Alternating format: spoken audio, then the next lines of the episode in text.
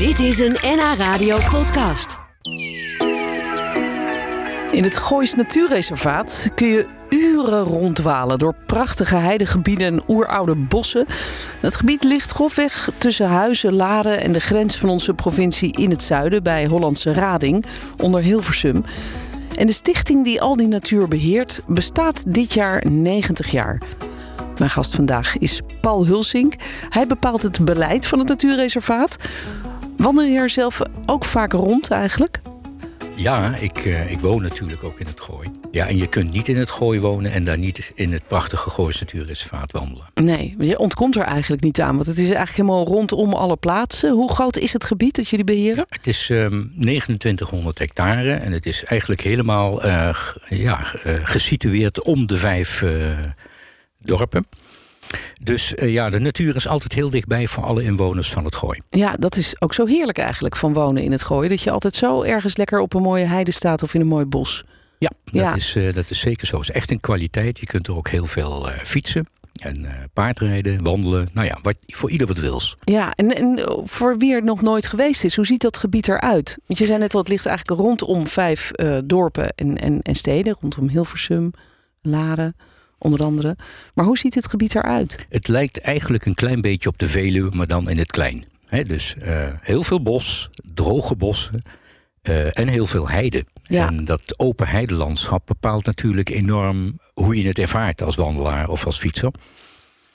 Eh, en dat is de kwaliteit van, eh, van het gooien. Op dit moment bloeit de heide, dus ja, dat is helemaal eh, een Schitterend. mooi beeld. Ja, Dus nou, heel mooi. veel En het- mensen die komen kijken. Ja, terecht. En het Laarder Wasmeer, dat hoort er ook bij. En de schaapskooi van de Bladikemerhei, die hoort er ook bij. Ja, dat, dat klopt. Er, zijn, er zijn ook allerlei graslandgebieden. Er zijn akkergebieden rondom de dorpen. Eh, van ouds liggen die daar rondom die dorpen, omdat de boerderijen in de dorpen lagen. Maar je hebt ook natte gebieden, het Laarderwasmeer, het Hilversums Wasmeer. Dat zijn oude vennen waar water stagneert, zeg maar. Daar stroomt het naartoe. Zijn lage punten in het landschap. En eh, ja, daar eh, heb je vennetjes. Ja, mooi hoor. Ja. Wat is jouw favoriete plek? Is dat bij zo'n vennetje of juist op nee, de hei? Ik, ik, eh, ik heb een favoriete plek die zit eigenlijk in het midden van het gebied op de Westerheide. En dat heette de Aartjesberg. En dat is een, eh, een, eh, een soort hooggelegen punt. Waar al sinds de prehistorie eigenlijk mensen wonen, werken. En er zit een akkertje waar allemaal nou, hele oude gereedschapjes zijn gevonden van steen en zo. Oh, En als je op die plek bent, bij zo'n enorme zwerfkei die daar ligt, ja, dan realiseer je dat dit landschap echt duizenden jaren oud is. En dan realiseer je ook hoe belangrijk het is om het te behouden, te bewaren voor de toekomst, voor de volgende generaties. Maar ook gewoon om ervan te genieten. Je ziet er reetjes lopen.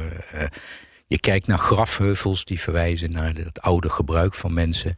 Het landschap is prachtig met mooie slingerende paadjes. Nou, ga zo maar door. nou, bijzonder ja. Ik, ik ken dat niet, maar ik ga er zeker eens kijken. De Aartjesberg. Aartjesberg. Was er laatst niet ook een, een wolf gesignaleerd? Nou, misschien niet bij die berg, maar wel in het Goois Ja, Natuurreservaat. nou, vlakbij daar hebben we een, eh, een soort kadaver gevonden van een ree. En dat ree was eh, zodanig aangegeten, zeg maar, dat eh, dat kon eigenlijk niet anders van een, dan van een wolf zijn. We hebben dat laten onderzoeken op DNA. eh, en dat is ook gelukt. eh, en we hebben een bevestiging gekregen dat er DNA, zeg maar speeksel van een wolf, aan dat kadaver van dat ree zat. En eh, ja, dat, wolf, die wolf heeft een nummertje gekregen. En die is nu ook individueel herkenbaar, ook op andere plekken in Nederland. ja. Dat is de eerste wolf sinds eh, lange tijd, ik weet niet precies hoe lang, in Noord-Holland. Vrij Ja. ver in Nederland, hè, eigenlijk, als je dat ziet. Als je kijkt Zeker. naar de huidige wolvenmeldingen, dan eh Ja, die is dat komen wel eigenlijk, bijzonder. ja, die komen eigenlijk een beetje vooral in Drenthe en, en nou ja, op de Veluwe zijn ze tegenwoordig Ja, ook. nou, het gooien is natuurlijk de, ik zeg altijd de kop van de Utrechtse heuvelrug, hè, het eindpunt. En daar loopt het vast in de Zuiderzee, de voormalige Zuiderzee, nu het Gooimeer, Eemland en de Vechtstreek, natte gebieden allemaal. En eh, ik denk dat die wolf toch over die heuvelrug is eh, gaan lopen en eh, uiteindelijk wellicht weer teruggekeerd. Of nou, wat hij ook gedaan heeft, dat weten we natuurlijk eigenlijk helemaal niet. Nee, nee, maar hij Maar vond hij het is misschien wel geweest. aangenaam, eventjes. Wat vinden jullie daarvan? Zijn jullie daar dan blij mee? Of denk je, oh, daar gaan onze, onze reetjes? Nou, kijk, je kunt er op allerlei manieren naar kijken. Wij, zien natuurlijk de onrust in de maatschappij, maar wij kunnen er ook met een ecologische bril naar kijken en vaststellen dat zo'n eh, wolf eigenlijk eh, de toppredator is in de leefgemeenschappen zoals we die kennen, met de flora en fauna zoals wij die kennen. Alleen wij zijn heel erg gewend natuurlijk te denken vanuit ons menselijk gebruik van de natuur, van het landschap. En daar zit natuurlijk wel een spanningsveld. Ja, want als mensen gaan wandelen met hun hond bijvoorbeeld, dan zijn ze misschien ook wel bang dat ze een wolf tegenkomen. Ja, ik denk dat die angst er wel is, maar die is toch ook wel weer uh, te neutraliseren. Want ja, die wolf die zit echt niet te wachten op ons mensen. Die gaat echt niet overdag, als het niet per se nodig is, uh, allerlei dingen doen. Het kan wel zijn dat, en dat zie je ook wel in de media, dat er een wolf die op drift is, zeg maar, dus die, die aan de wandel is en ze kunnen lange afstanden per dag afleggen, dat die zeg maar uh, een ontmoeting heeft met mensen. Dat zie je aan de filmpjes die in Nederland worden gezien. Maar een zich vestigende wolf is uh, schuw, uh, verstopt zich, die zie je eigenlijk niet. En nee. dat betekent dat de, de wandelaars met de honden niet per definitie meteen heel angstig hoeven te zijn. Nee, niet meteen per definitie. Oké. Nee, ja, dat klinkt, nou ja, klinkt uh, maar ja, weet je, je zegt nooit ja, nooit. Je weet, je weet nooit. Het niet. Er kan van alles gebeuren. Nee. Mensen doen ook gekke dingen. Uh, ja, maar maar dat is natuurlijk een beetje het dubbele. Aan de ene kant is het een prachtig natuurverschijnsel dat, het, dat het kan. En die wolven zaten hier ooit al. Aan de andere kant denk je, ja, het is nu een gebied waar veel mensen recreëren en wandelen met hun hondjes. Dus dat ik, is ook wel ik snap heel goed dat mensen het spannend vinden. Laat ik het zo zeggen. We zitten ook met een soort uh, sprookjessyndroom natuurlijk met z'n allen. De wolf staat er niet goed op in de beeldvorming. Nope. Dat nemen we allemaal mee vanuit onze jeugd. En dat, dat wordt van generatie op generatie overgedragen. Ik denk dat het tijd is dat we een wat meer realistisch beeld krijgen van de wolf. En dat gaan we komende jaren gewoon opbouwen. Van, uh, ja, afhankelijk wolf. van die wolf die bij jullie zit, hoe die zich gaat gedragen ja, natuurlijk. of in Drenthe of op de Veluwe. Of, uh, ja. Nou ja. Dus, Goed. Uh, ja, tot zover de wolf. Ja. een, een ander iets. we hebben natuurlijk een heel droge zomer. het is nog altijd heel droog. hoe, hoe is dat bij jullie in het Goois Natuurreservaat? Want je had het net over dat het toch een, een vrij drassig, of ja, voor een deel ook een, echt een gebied is met veel poeletjes en vennetjes. Hebben jullie last van de droogte? Ja, over het algemeen genomen is het Goois Natuurreservaat hoog en droog gelegen. Maar als je goed kijkt, dan zijn er uh, minstens 50 plekken met poeletjes, met vennetjes, met laaggelegen plekken waar water belangrijk is. Ook aan de randen van het gooien, dus richting uh, de vechtstreek bijvoorbeeld. Daar zie je dat, uh, dat er echt daling van de waterstand zichtbaar is. Dat is heel goed zichtbaar. Uh, dat is dus ook heel spannend. Hoe gaat dat nou straks met aanvoer van regen? Komt het, wordt, komt het weer een beetje op peil? Kan ja. het, hè, wordt het wat aangevuld? En wie hebben daar vooral last van? Welke dieren bijvoorbeeld? Nou, de amfibieën bijvoorbeeld. Hè. De kikkers, oh ja. de salamanders, oh ja. de ringslangen, uh, de libelles. Uh, nou, ga ze maar door. Alles wat aan water gebonden is, aan moeras, aan vennetjes kan daar behoorlijk last van, uh, van hebben. Ja. ja, maar dat hebben jullie misschien nog niet helemaal in kaart of dat, dat niet, zo is. Uh, niet nee. in beeld. Ik heb wel een, zelf een ronde gedaan door het gooien om eens uh, te kijken. Dus ik ben bij 32 van die plekken geweest en vastgesteld dat de waterstanden tussen de 50 centimeter en een meter gezakt zijn. Dat is best wel uh, spectaculair. Zee, ja. En we moeten dat ook zien tegen het licht van dat er nog meer droge jaren zijn geweest de afgelopen vijf jaar. En dat er misschien nog dus, wel wat uh, droge jaren aan zitten te komen. Dat, dat kan je met de klimaatverandering natuurlijk wel zien aankomen. Ja. Ja. Zijn jullie ook aan het nadenken over, over dan misschien een hele andere begroeiing of, of andere soorten planten neerzetten? Nou, dat is wat vroeg. Um, maar dat is wel een mooi haakje naar wat ik nog wilde zeggen. Wat we ook zien is dat bijvoorbeeld bomen en struiken hun bladeren vroegtijdig laten vallen. Hè? Dus ja. vooral beuk kun je nu heel goed zien. Als je nu door de bossen loopt, dan zie je eigenlijk een groen bladerdek van beuken die denken, nou, het is mooi geweest. Uh, ik laat mezelf niet uitdrogen verder, ik laat de blaadjes vallen. Ja, ja en, en dat, daar hadden wij het hier laatst in de studio ook over. Dat is een soort zelfbeschermingsmechanisme ja, eigenlijk. Ja, dan hoeven ja. ze geen energie meer in die groene bladeren te stoppen. Ja, ja nee, dat klopt. Maar wel een uitzonderlijk gezicht natuurlijk in augustus. Ja, ja, en het is de vraag of die bomen daar op de langere termijn uh, echt last van blijven houden. Of ze daardoor doodgaan. Of dat ze volgend jaar vrolijk opnieuw beginnen. Ja. Als het voldoende geregend heeft, dat zullen we moeten afwachten. Dat ja. weten we niet precies. Dat blijft nog even spannend. Ja. Um, we, we, praten zo nog eventjes verder, uh, Paul. Want ik wil ook meer weten over de geschiedenis eigenlijk van het Goois Natuurreservaat. hoe dat ooit uh, begon. En ook ja, inderdaad hoe jullie je voorbereiden op de toekomst. Ja. Uh, maar om te beginnen, Paul, uh, je vertelde net al dat jullie nu 3000 hectare zo'n beetje in bezit hebben.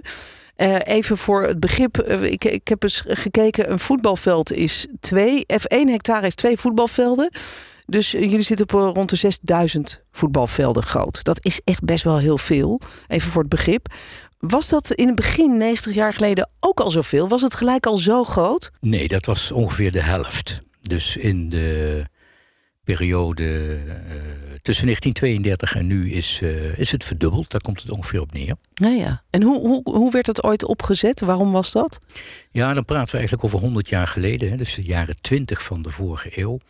Dat is dus echt wel heel lang geleden. Als je probeert voor te stellen wat er toen speelde, zijn er eigenlijk veel min of meer vergelijkbare uh, zaken als nu aan de hand. Men had dringend behoefte aan woningen. En in Amsterdam speelde de kwestie van, uh, ja, hoe gaan we dat doen? En toen had uh, de wethouder de Miranda het plan om een grote tuinstad te bouwen in, in het Gooi, midden op de Bussemerheide, voor 50.000 woningen. En dat was een enorme eye-opener voor de lokale inwoners, voor de politiek, voor de bestuurders. Van, oh jee, willen we dat? Is dat, is dat eigenlijk wat we willen? Ja. En daar kwam een soort beweging op gang. En die liep parallel met de natuurbescherming die in opkomst was in heel Nederland. Natuurmonumenten, provinciale landschappen en dergelijke. Vogelbescherming, dat was de eerste natuurorganisatie. Toen kwam er een beweging op gang, eigenlijk om het gebied veilig te stellen. En, en niet op te offeren voor woningbouw. Ja. En dat, dat is eigenlijk de basis. Dat is echt inderdaad precies wat nu natuurlijk ook de ja, speelt, speelt hè, in, in ons land. Nog steeds overal. Van waar gaan we woningen bouwen? Waar ja. moeten we de auto's laten rijden? Of de trein of, uh, of de boten of uh, nou wat dan ook. Hè? Ja. Dus een ruimtelijke kwestie. En toen is er een schoonheidscommissie uh, ingesteld door wijze mensen. En die kreeg het vraagstuk: moet het Gooi eigenlijk een nationaal park worden? Of niet? Of kan het op een andere manier? Nou, dat nationaal park is in begin jaren 30 of eind jaren 20 van die vorige eeuw afgevallen. En toen is bedacht van we maken er een reservaat van. En daar zijn de handen voor op elkaar uh, gekomen uh, met provincie Noord-Holland, gemeente Amsterdam. En toen de zes Gooise gemeentes die er toen waren. Inmiddels ja. zijn het vijf Gooise gemeentes. Ja, maar, maar van wie was die grond eigenlijk? Ja. Dat is een hele. Dat is eigenlijk de historische vraag. Want de Gooise boeren die hebben eigenlijk duizend jaar het Gooise landschap beheerd. Waren dat de erfgooiers? Dat waren de erfgooiers, ja. Oh, ja. En die waren verenigd in een uh, vereniging voor stad en landen van Gooiland. En, uh, en die hadden, hebben uiteindelijk uh, begin 20e eeuw de grond in eigendom gekregen. Ze hebben dat heel lang, honderden jaren gedaan zonder het eigendom, maar alleen maar met het beheer. En die hebben het uiteindelijk overgedragen. Ja, met, met plezier of ging dat met enige strijd? Nee, dat was best wel met plezier, want daarmee werden die erfgooiers ook uh, betaald. Dus ja, die kregen allemaal een zakcentje. Dat oh, konden okay. ze heel goed gebruiken. Dus daar kwam geen ruzie over. Maar die, maar die strijd om de ruimte is er nog steeds. Want de, de, druk om woningen te bouwen is groot. Er is nog steeds woningnood en die wordt alleen maar groter, lijkt het. Uh, denk je dat die strijd ook in de toekomst te winnen is? Dat, dat het Goois Natuurreservaat kan blijven bestaan zoals het nu is? Nou, we, we, zien inderdaad dat, uh, kijk even naar Almere, Amsterdam, Utrecht, dat uh, de woningopgave enorm is en dat alles dichterbij komt. Maar ja. tegelijkertijd is het Goois Natuurreservaat goed beschermd. En is er ook veel draagvlak in de omgeving. Hè, dus de inwoners van het Gooi zelf, die het belangrijk vinden dat het gebied behouden blijft. En dat is ook onze opgave om te proberen die uh, belangstelling voor het Goois Natuurreservaat, voor het behoud van hun eigen mooie leefomgeving om dat op hoog peil te houden. Dat is de beste garantie dat het gebied beschermd blijft en dat het niet opgeofferd hoeft te worden aan zonneparken of windmolens of aan woonwijken of wat dan ook. Ja, ja, en dat doen jullie onder andere met de campagne die deze week begonnen is. Hoe gaat dat eruit zien? Wat gaan wij daarvan merken? Ja, we gaan in het gooi, dat is, dat is eigenlijk alleen maar in het gooi, hè, dus daar waar onze achterban zit, uh, onszelf goed uh, in de picture werken met uh, billboards, met spandoeken. We hebben tien bomen voorzien van enorme oranje strikken. Uh, en daarmee vragen we aandacht voor het feit dat we bestaan. Uh, dat we, maar weten veel gooiers dat niet? Nou, het grappige is dat we hebben daar wat onderzoek naar laten doen. Dat best wel veel mensen weten dat er een natuurgebied is. Dat het eh, goed beheerd wordt. Maar dat het heel groot is. En dat het groot is. Maar dat het, dat het precies door het Goois Natuurreservaat wordt gedaan. Dat ze daar een eigen organisatie eigenlijk voor hebben. En die daarvoor staat. En dat ook hun hulp daarbij kan... Uh, kan, kan, uh, dat dat aan kan bijdragen aan de bescherming. Dat, die die uh, volgende stap, die, daar gaan we nu verder aan werken. Dat we, Ja. dus we vragen nog ook betrokkenheid van mensen. Ja, Ja. bekender, zichtbaar en hulp van, eh, van mensen. ja, in de zin van geld, donaties of, of, vrijwilligers. Nee, nou, we hebben heel veel vrijwilligers, maar ook eh, financiële steun of ehm, eh, lidmaatschap, zou ik bijna Oh, ja. zeggen. Dat ze donateurs worden van onze stichting. Met een kleine bijdrage kunnen ze toch ons steunen zonder meteen eh, heel veel geld te hoeven geven. Jullie gaan geen eh, toegang vragen, Nee, de- we gaan geen Oh, toegang vragen. Nee. Het maar mensen kunnen wel doneren ja, als ze dat willen ja. of lid worden. Ja, Ja. we hebben een speciale website met allemaal doelbestemmingjes. Kunnen mensen zelf even kijken. Dat heet Doe mee op onze website gnr.nl Doe mee. En daar kunnen ze kijken eh, wat hun aanspreekt. Iets voor Ja. de dieren of voor de wandelaars of nou, wat dan ook. Ja, dankjewel Paul dat je bij ons was vandaag. Ik vond het eh, interessant om even te horen hoe dat allemaal gegaan is ooit met het Goois Natuurreservaat. Graag gedaan. Dit was een NH Radio podcast. Voor meer, ga naar nhradio.nl. Radio.